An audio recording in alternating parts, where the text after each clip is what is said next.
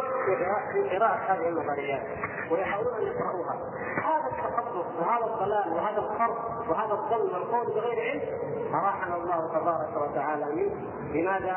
لأن أخبرنا سبحانه وتعالى في الكتاب والسنة أنه خلق آدم عليه السلام نبيا من الأنبياء وأن ذريته بقيت على التوحيد حتى اختلفوا كما قال ابن عباس رضي الله تعالى عنه ان إنه كان بين آدم وبين نوح عشرة قرون. عشرة قرون على التوحيد ثم وقع الشرك في قوم نوح كما جاء في الحديث الصحيح. ولما وقع الشرك في قوم نوح لم تكن هناك اعراض ولا برهان ولا سبحان بل بعث الله سبحانه وتعالى النبيين ومبشرين ومنذرين ليقاوموا تلك الاعراض وتلك وأولئك القرآن ويقاوموا الشرك. فبقي الناس فريقين المؤمنون الموحدون والكفار المشركون. وفي كل أمة يبعث الله سبحانه وتعالى رسولا مبشرا ونذيرا يدعوهم. وهذه الحضارات التي موجودة آثارها إلى اليوم كحضارة الفراعنة. وحضارة الروم وقوم هود وقوم صالح كلها كان هلاكها وكان دمارها بسبب تكذيبها بما جاء به الأنبياء وبتكذيبها بالوحي الذي جاء من عند الله سبحانه وتعالى. وليست العملية عملية تطور علمي تطور أن البشرية تطورت حتى وصلت إلى قمة العلم ثم أو الدين وعرفت التوحيد ثم لما عرفت التوحيد جاءتها الكتب الثلاثة المنزلة كما يقولون. وغير ذلك كثير كثير مما يقولون. ومن لوازم ذلك ما يسمى أيضا بنظريه القانون. يقولون إن القوانين إن الإنسان أول ما بدأ كان يحتكم إلى الأعراف. كان العرف هو الذي يحكم الناس. ووجدت ما يسمى النظريه التي يسمونها نظرية العقد الاجتماعي. أفراد المجتمع تعاقدوا بما بينهم عقدا عرفيا لاننا لا نتطالب وأن يكون بيننا اخذ وعطاء يكون بيننا يعني نوع معين من التبادل من أجل راحتك من أجل راحتك لا تديني ولا اوديك كل منهم يفسر النظرية كما يشاء. قالوا ثم بعد ذلك جاء الأنبياء وبعد ذلك جاءت الكتب. وهذا أيضا من الكذب ومن الافتراء على الله سبحانه وتعالى. فإن هذه النظريات إنما عرفتها البشرية أو مرت بها في فترات الانحراف في أزمان الفترة الفترة التي لا يبعث فيها نبي بل ينحرف الناس عن شريعة الأنبياء يتخذون الأحبار والرهبان أربابا من دون الله يشرعون لهم ويتخذون الملوك ويتخذون العراف ويتخذون القرآن كلهم يشرعون له من دون الله سبحانه وتعالى. فالله سبحانه وتعالى عندما يبعث أي نبي عندما يبعث أي نبي إنما يبعثه بشرع ينزله ليتحاكم الناس إليه وليحكموا به ويحاسبهم سبحانه وتعالى على هذا على مخالفته إذا خالفوه. نظريات كثيرة. إنما هذه أمثلة.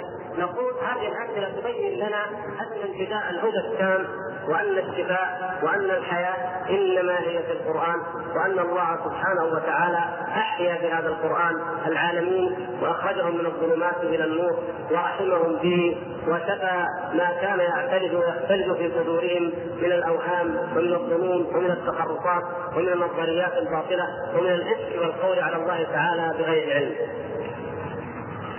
هنا قضية يقول قل هو للذين آمنوا هدى وشفاء قل هو للذين آمنوا هدى وشفاء كيف يكون هدى للذين آمنوا وشفاء؟ أليس القرآن هدى للعالمين جميعا؟ يقول بلى القرآن هدى للناس جميعا لكن من المنتفع بهداية القرآن أو الوحي عامة؟ من المنتفع بهداية الوحي؟ المنتفع به هم المؤمنون هم الذين يؤمنون به أما الذين كفروا فهو عليهم عمى يضل به كثيرا ويهدي به كثيرا. القرآن يضل به كثيرا ويهدي به كثيرا وما يضل به إلا الفاسقين. هكذا بين الله سبحانه وتعالى. فمع أنه نور لكنه قد يكون سببا للضلال. لماذا؟ إذا رأى الرائي النور أمامه فأعرض عنه فقد ضل ضلالا. أعظم من ضلال من جاء بالضلال ولم يرى النور من اصله فعندما يكون اعراضه عن هذا النور يكون تكون الحجه عليه أقوم ولا يكون له أي مجال من الاعتذار مثلنا لو, لو أن الإنسان لم يرى هذا النور من قبل كأصحاب الفترة مثلا أو نحوهم ممن لم ينعموا بهذا النور. هنالك قد يقال إن هذا الإنسان لو أدرك النعمة وأدرك النور لآمن. لكن أما الذي يرى القرآن يرى النبي صلى الله عليه وسلم ويسمع كلام الله سبحانه وتعالى ثم يعرض عنه فمعنى ذلك أنه كان القرآن أو كيف يكون القرآن سببا لضلاله؟ نقول إنه لما لم يصادف هذا النور ولم يصادف هذا الشفاء لم يصادف محلا لائقا لم يصادف قلبا يتقبل هذا الشفاء لم يصادف قلبا يتقبل هذا الدواء الذي أنزله الله سبحانه وتعالى فكان زيادة في المرض وكان زيادة في الضلال والهلاك نعوذ بالله. لماذا؟ نتيجة عدم تقبل هذا المحل أو هذا القلب، وإلا فالدواء دواء، والنور نور، والهدى هدى، والشفاء شفاء، ومن هنا كان هدى خالصا كاملا يقينا لمن؟ للذين آمنوا. لأنهم الذين يؤمنون به والذين يطمعون ويسعون للتداوي به وللاهتداء به والاقتداء والاستضاءة بنوره. بسم الله الرحمن الرحيم. والله تعالى أرسل رسوله بالهدى ودين الحق. فلا هدى إلا فيما جاء به. ولا ريب أنه يجب على كل أحد أن يؤمن بما جاء به الرسول إيمانا عاما مجملا. ولا ريب أن معرفة ما جاء به الرسول على التفصيل فرض على الكفاية. فإن ذلك داخل في تبليغ ما بعث الله به رسوله وداخل في تدبر القرآن وعقله وفهمه وعلم الكتاب والحكمة وحفظ الذكر والدعاء إلى الخير والأمر بالمعروف والنهي عن المنكر والدعاء إلى سبيل الرب بالحكمة والموعظة الحسنة والمجادلة بالتي هي أحسن.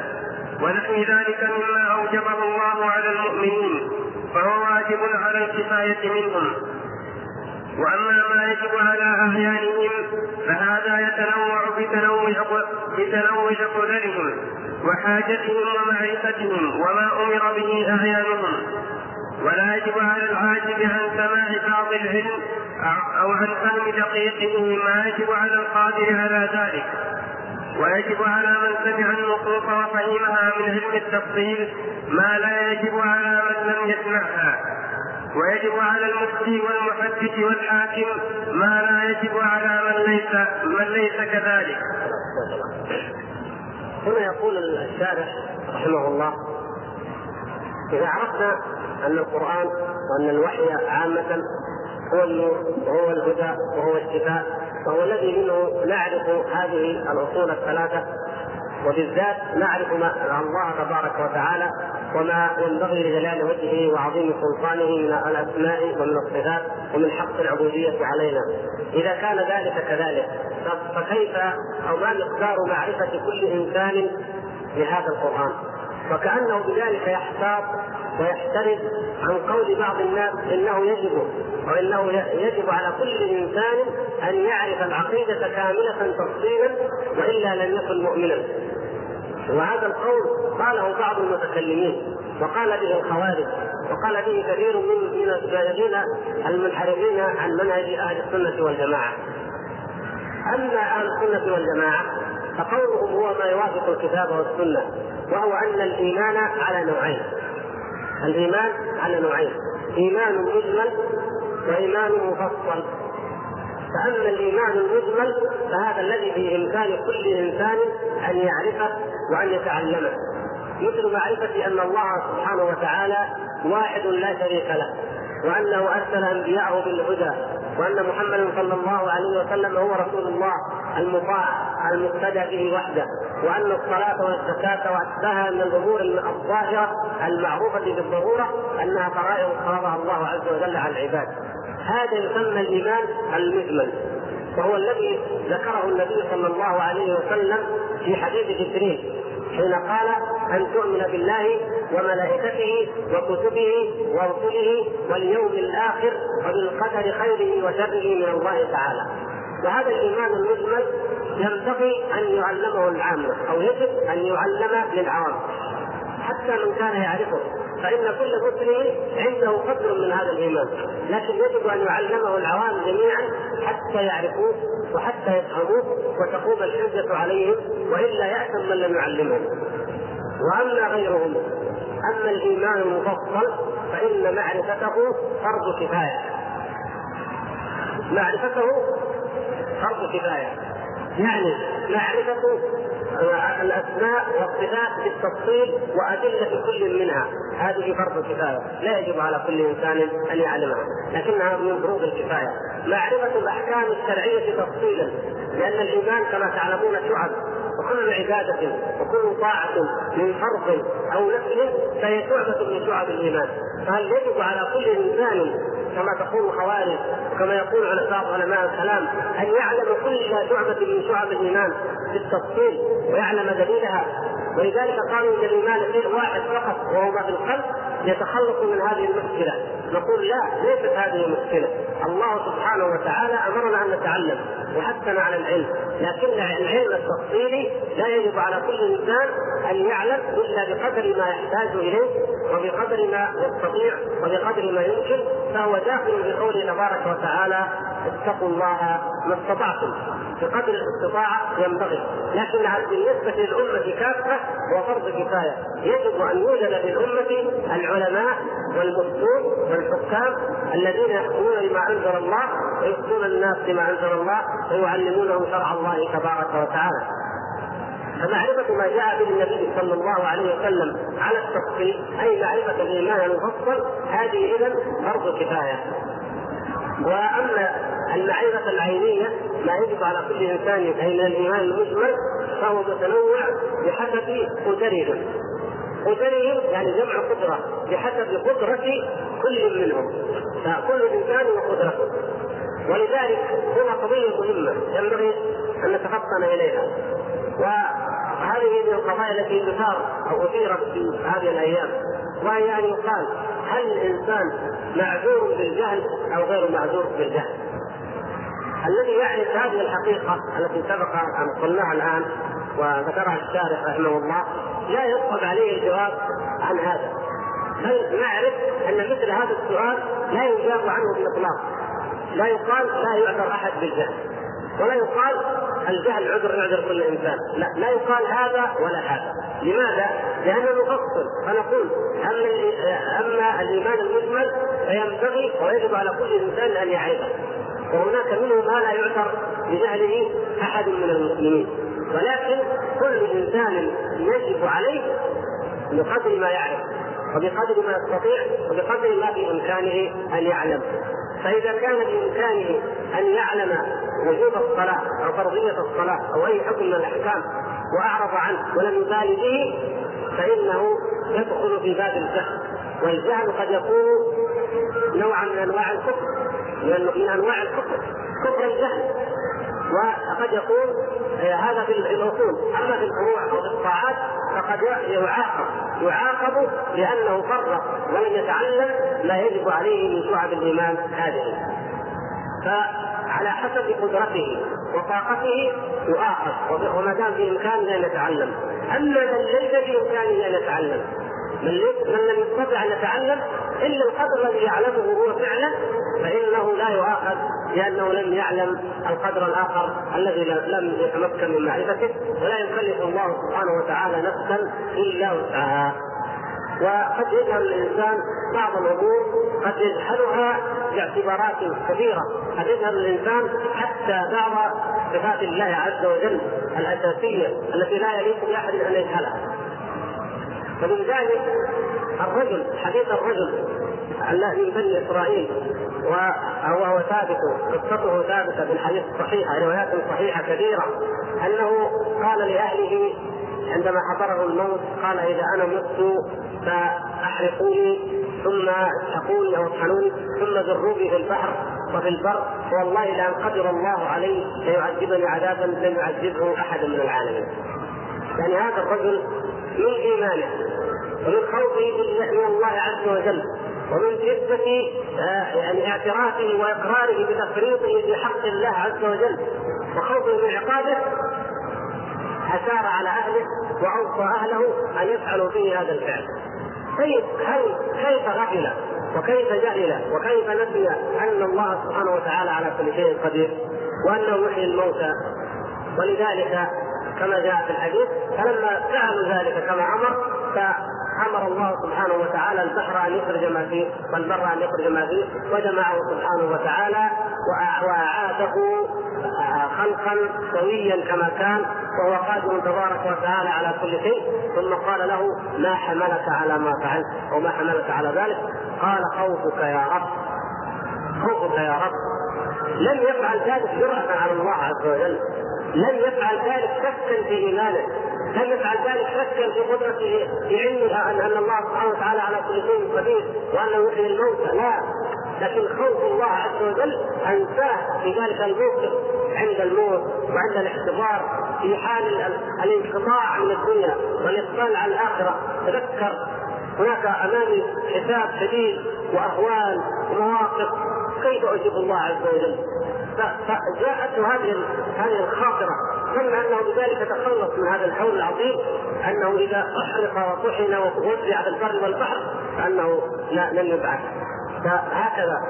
فنقول أن الإنسان قد يجهل مثل هذه الأشياء ولو سئل أو تفطن لعلم أنه لا ينبغي ان يجهل وأنه لا يمكن ان تجهل وأن الله على كل شيء قدير وانك اذا كنت تخاف من الله عز وجل فاي خوفك من الله لا يضعف يقينك بأن الله سبحانه وتعالى يحيي الموتى وإنما امره شيء إذا اراده أن يقول له كن فيكون.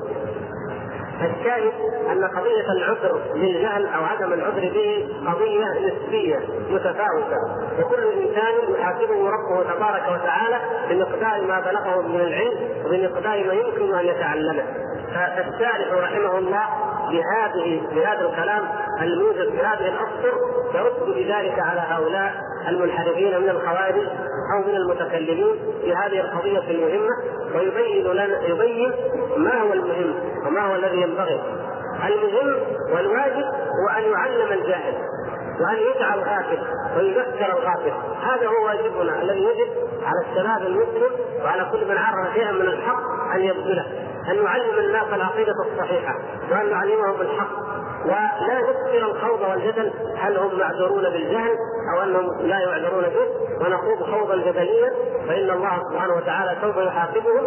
كل إنسان منهم بما بلغه من العلم. أما نحن فيحاسبنا هل بلغنا دعوة النبي صلى الله عليه وسلم أم لا. ولذلك يذكر المؤلف رحمه الله تعالى هنا أنه آه، موضوع الأمر بالمعروف والنهي عن المنكر والدعاء إلى سبيل الله بالحكمة والموعظه الحسنة والمجادلة بالتي هي أحسن ضمن الفروض الكفائية التي يجب أن يقوم بها القادر عليها وبذلك يعم العلم في الأمة ولا يبقو بها الجهل فحينئذ تقوم الحجة على كل أحد بحسب ما يستطيع. وينبغي أن يعرف أن عامة من ضل في هذا الباب أو عجز فيه عن معرفة الحق فإنما هو لتفريطه في اتباع ما جاء به الرسول وترك النظر والاستدلال الموصل إلى معرفته. فلما أعرضوا عن كتاب الله ضلوا. كما قال تعالى فإما يأتينكم مني هدى فمن اتبع هداي فلا يضل ولا يشقى. ومن أعرض عن ذكري فإن له معيشة ضنكا. ونحشره يوم القيامة أعمى. قال رب لم حشرتني أعمى وقد كنت بصيرا. قال كذلك أتتك آياتنا فنسيتها وكذلك اليوم تنسى قال ابن عباس رضي الله عنهما تكبر الله لمن قرأ القرآن وعمل بما فيه ألا يضل في الدنيا ولا يشقى في الآخرة. ثم قرأ هذه الآيات. وكما في الحديث الذي رواه الترمذي وغيره عن علي رضي الله عنه قال قال رسول الله صلى الله عليه وسلم إنها ستكون فتن. قلت فما المخرج منها يا رسول الله؟ قال كتاب الله فيه نبأ ما قبلكم وخبر ما بعدكم. فيه نبأ ما قبلكم وخبر ما بعدكم. وحكم ما, وحكم ما بينكم. هو الفصل ليس بالهزل من تركه من جبار قصمه الله. ومن ابتغى الهدى في غيره أضله الله. وهو حبل الله المتين وهو الذكر الحكيم وهو الصراط المستقيم وهو الذي لا تزيغ به الأهواء ولا تلتبس به الألسن ولا تنقضي عجائبه ولا تشفع منه العلماء من قال به صدق ومن عمل به أجر. ومن حكم به عدل ومن دعا إليه هدي إلى صراط مستقيم. إلى غير ذلك من الآيات والأحاديث الدالة على مثل هذا المعنى. ولا يقبل الله من الأولين والآخرين دينا يدينون به إلا أن يكون موافقا لدينه الذي شرعه على ألسنة رسله عليهم السلام. هنا الشارح رحمه الله كأنه يجيب على تساؤل. قد يقال إن مع أن الوحي هذا الكتاب والسنة مع أن فيها الحق وفيها النور وفيها الهدى ولكننا نجد أقواما كثيرين حتى من المنتسبين إلى الإسلام قد ضلوا وتخبطوا وتاهوا فمنهم كثير ممن عبر عن حيرته كما قال شاعرهم لعمري لقد طفت المعاهد كلها فلم أرى إلى أن يقول إلا الا قارعا في المنادم كما قال الآخر والرازي عندما قال نهاية اقدام العقول عقال وغاية سعي العالمين ضلال. ولم نستجد من عمرنا من بحثنا طول عمرنا سوى أن جمعنا فيه قيل وقالوا. كثير جدا يعني ذكروا عبروا عن حيرتهم وعن ضياعهم مع أن الكتاب والسنة بين أيديهم ومع أن هذا الهدى بين أيديهم. لكنهم خاضوا في علم الكلام وخاضوا في العقائد في معرفة الله ومعرفه اليوم الآخر ومعرفه صفات الله سبحانه وتعالى. فتاهوا وحاروا وضلوا فإذا قيل كيف يضيع هؤلاء ويضلون ويتخبطون؟ مع أن الكتاب والسنة بين أيديهم. فيجيب الشارح رحمه الله تعالى على ذلك ويقول إن عامة من ضل في هذا الباب. أو عجز عن معرفته فإنما بسبب تفريطه في اتباع ما جاء به الرسول صلى الله عليه وسلم. التفريط منه أنه لم يأخذ الحق من مصدره الصحيح حتى وإن كان مؤمنا وإن كان القرآن بين يديه لكنه فرق في اتباع هذا القرآن وفرق في الاقتداء بهدي هذا القرآن فحينئذ عوقب بالضلال أو بالعجز أو بالحيرة والعياذ بالله. وماذا؟ وترك النظر. هذا النظر أو هذا الاستدلال هو على نوعين. النظر يسمى يعني المعرفة العقلية تسمى النظر. إذا جاء معنى كلمة النظر في هذا الشرح فمعناها المعرفة العقلية أو الاجتهاد العقلي أو الاستدلال العقلي. فالنظر نوعان نظر عقلي محض نظر كلامي وهو اتباع القواعد المنطقية والقواعد الفلسفية في التفكير فهذا النظر لا يأتي إلا إلى طريق الضلال ولا يثمن ولا يثمر لصاحبه أي علم ولا أي هدى وهذا الذي سلكه هؤلاء المتكلمون الذين عبروا عن حيرتهم وعن ضياعهم وعن ضلالهم. والنظر الثاني هو النظر الشرعي النظر الشرعي وهو النظر في فهم نصوص الكتاب والسنة وهو التفكر والتأمل والتفكر والفهم في كتاب الله عز وجل وعقل كتاب الله عز وجل وفهمه كما أمر الله سبحانه وتعالى. وهذا الاستدلال هو الذي يوصل إلى اليقين. فطريق اليقين هي النظر أو الاستدلال الشرعي لا النظر والاستدلال الكلامي المنطقي. ومن ذلك أن الله تبارك وتعالى ضرب لنا الأمثلة الكثيرة جدا على أعظم القضايا التي هي قضايا الإيمان كقضيه الإيمان بالله سبحانه وتعالى. ضرب الله سبحانه وتعالى الأمثلة الكثيرة والآيات الكثيرة الدالة على وحدانيته سبحانه وتعالى وعلى أنه الحق وعلى أن القرآن حق وعلى أن محمدا صلى الله عليه وسلم حق. فهذه الآيات على قسمين. يقول الله سبحانه وتعالى سنريهم آياتنا في الآفاق وفي أنفسهم حتى يتبين لهم أنه الحق فهناك الآيات الكونية أو الآيات التي ينظر إليها الإنسان نوعين آيات في الكون وآيات في النفس. فعلماء الفلك أو علماء الطب مثلا الذين يعرفون هذه الأمور أو يدرسون أو يتاملون وبدون علماء من ينظر البدوي العامي الجاهل الذي لا يعرف أي علم ينظر إلى السماء كيف رفعت وإلى الجبال كيف نصبت وإلى الأرض كيف فتحت بامكانه ان ينظر إلى هذا البعير الذي يركبه ينظر إلى الإبل كيف خلقت. أي انسان يمكن أن ينظر وان يتامل ويجب عليه أن ينظر وان يتامل ويصل به تأمله ونظره وتدبره إلى ما إلى اليقين. اليقين الاعتقاد الجازم الصادق الذي لا يدخله ريب ولا شك بأن الله سبحانه وتعالى حق وأن لقاءه حق وأن الجنة حق وأن النار حق. كل إنسان يملك ذلك. وكذلك النظر في النفس. النظر في النفس لا يشترط فيه التعمق كعلماء التشريح علماء الطب هؤلاء كلهم ازدادوا ان يزدادوا يقينا. نعم. لكن كل إنسان ينظر إلى نفسه. ألم نجعل له عينين؟ ولسانا وشفتين وهديناه النجدين. كل إنسان ينظر يتعجب. ينظر في كيف خلقه الله سبحانه وتعالى هو نفسه. كيف خلق غيره من المخلوقات؟ يتأمل كيف يفكر هو؟ كيف يتذكر؟ كيف يجمع المعلومات؟ كيف أشياء بإمكان كل إنسان مهما كان مستواه العلمي أن يتفكر وأن ينظر ويصل عن طريق هذا النظر وعن طريق هذا الاستدلال إلى أن الله سبحانه وتعالى حق وإلى معرفة الله سبحانه وتعالى حق المعرفة معرفة لا يخالفها الريب والشك. وكذلك الإيمان باليوم الآخر. ولأن الإيمان باليوم الآخر هو أكثر القضايا الغيبية إنكارا من المشركين فإن الله سبحانه وتعالى أقسم سبحانه وتعالى عليه. أقسم عليه سبحانه وتعالى على الإيمان باليوم الآخر. لماذا؟ لأنه يقابل بالإنكار وبالجحود من كثير من المشركين. فأقسم الله سبحانه وتعالى على أن البعث حق في ثلاثة مواضع من كتاب الله سبحانه وتعالى. وبين الحكمة العظيمة في ذلك. بين حكما عظيمة لو تأملها الإنسان.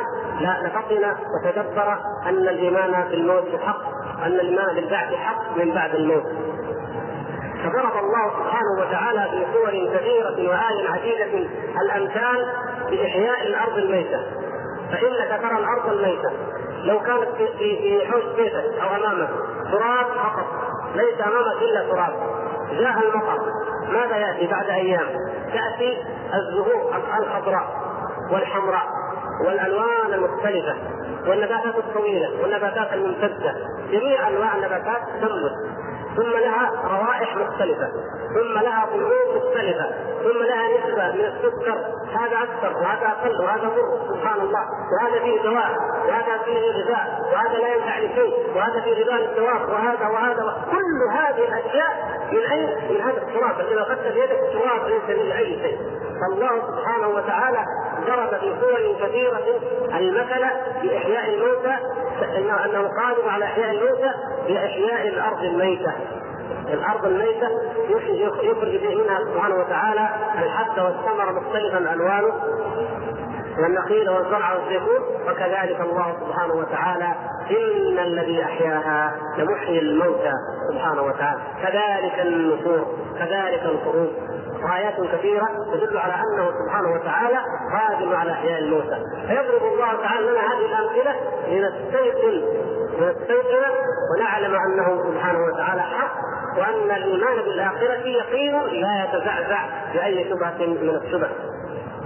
لذلك يقول سبحانه وتعالى واقسموا بالله جهد أيمانهم لا يبعث الله من يموت فلا وعدا عليه حقا ولكن أكثر الناس لا يعلمون. ليبين لهم الذي يختلفون فيه وليعلم الذين كفروا أنهم كانوا كاذبين. هنا آيات أخرى تدل على على أن البعث حق من بعد الموت. عبرة غير عبرة النظر في الأحياء والكائنات. عبرة ذهنيه عبرة نظريه تفكر الإنسان. إذا قال المشركون والله لا يبعث الله من يموت واقسموا بالله جهد إيمانهم. لا يبعث الله من يموت قال بلى. وعدا عليه حقا. ولكن أكثر الناس لا يعلمون. ثم بين الحكمة. قال ليبين لهم الذي يختلفون فيه. هذه واحدة. والأخرى وليعلم الذين كفروا أنهم كانوا كاذبين. سبحان الله. لو تعامل الإنسان هاتين الحكمتين لاستيقن أنه لا بد من يوم آخر. ليبين لهم الذي يختلفون فيه. كم يختلف البشر يا إخوان؟ في قضايا علمية في دعاوى حقوق في أمور كم يختلف؟ يجيك واحد يبكي ويحلق الأيمان أنه مظلوم. وتستدعي خصم الآخر يبكي ويحلق الأيمان أنه هو المظلوم. ما تدري كيف تحكم تحتار كيف تعمل؟ اختلف الناس في أمور اعظم من ذلك، اختلفوا بربهم عز وجل، منهم من يعبد الاحجار قل هذا ربنا، منهم من يعبده سبحانه وتعالى حق العبادة، منهم من يعبد ثلاثة، منهم من يعبد عشره، اختلف الناس، طيب هذه الاختلافات العلمية وهذه الاختلافات الواقعية بين الناس وهذه وهذه وهذه كلها وجود الظالم والمظلوم وجود الباغي الباطل المتكبر الجبار المحارب لله عز وجل الذي يعيش عمرا طويلا في عافية وفي قوة وفي عزها وفي سلطان وجبروت يظلم عباد الله عز وجل ويتسلط على دمائهم وعلى أموالهم ويفعل ما يشاء ثم يأتيه الموت ويذهب.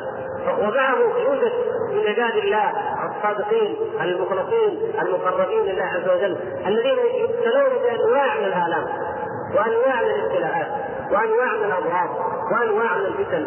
وهكذا ثم يموت كما يموت ذلك. سبحان الله. لو أن هذا الموت هو النهايه كيف كيف كيف هل يجوز ذلك بحكمه الله عز وجل ان أن ينتهي الأمر؟ أن ينتهي الأمر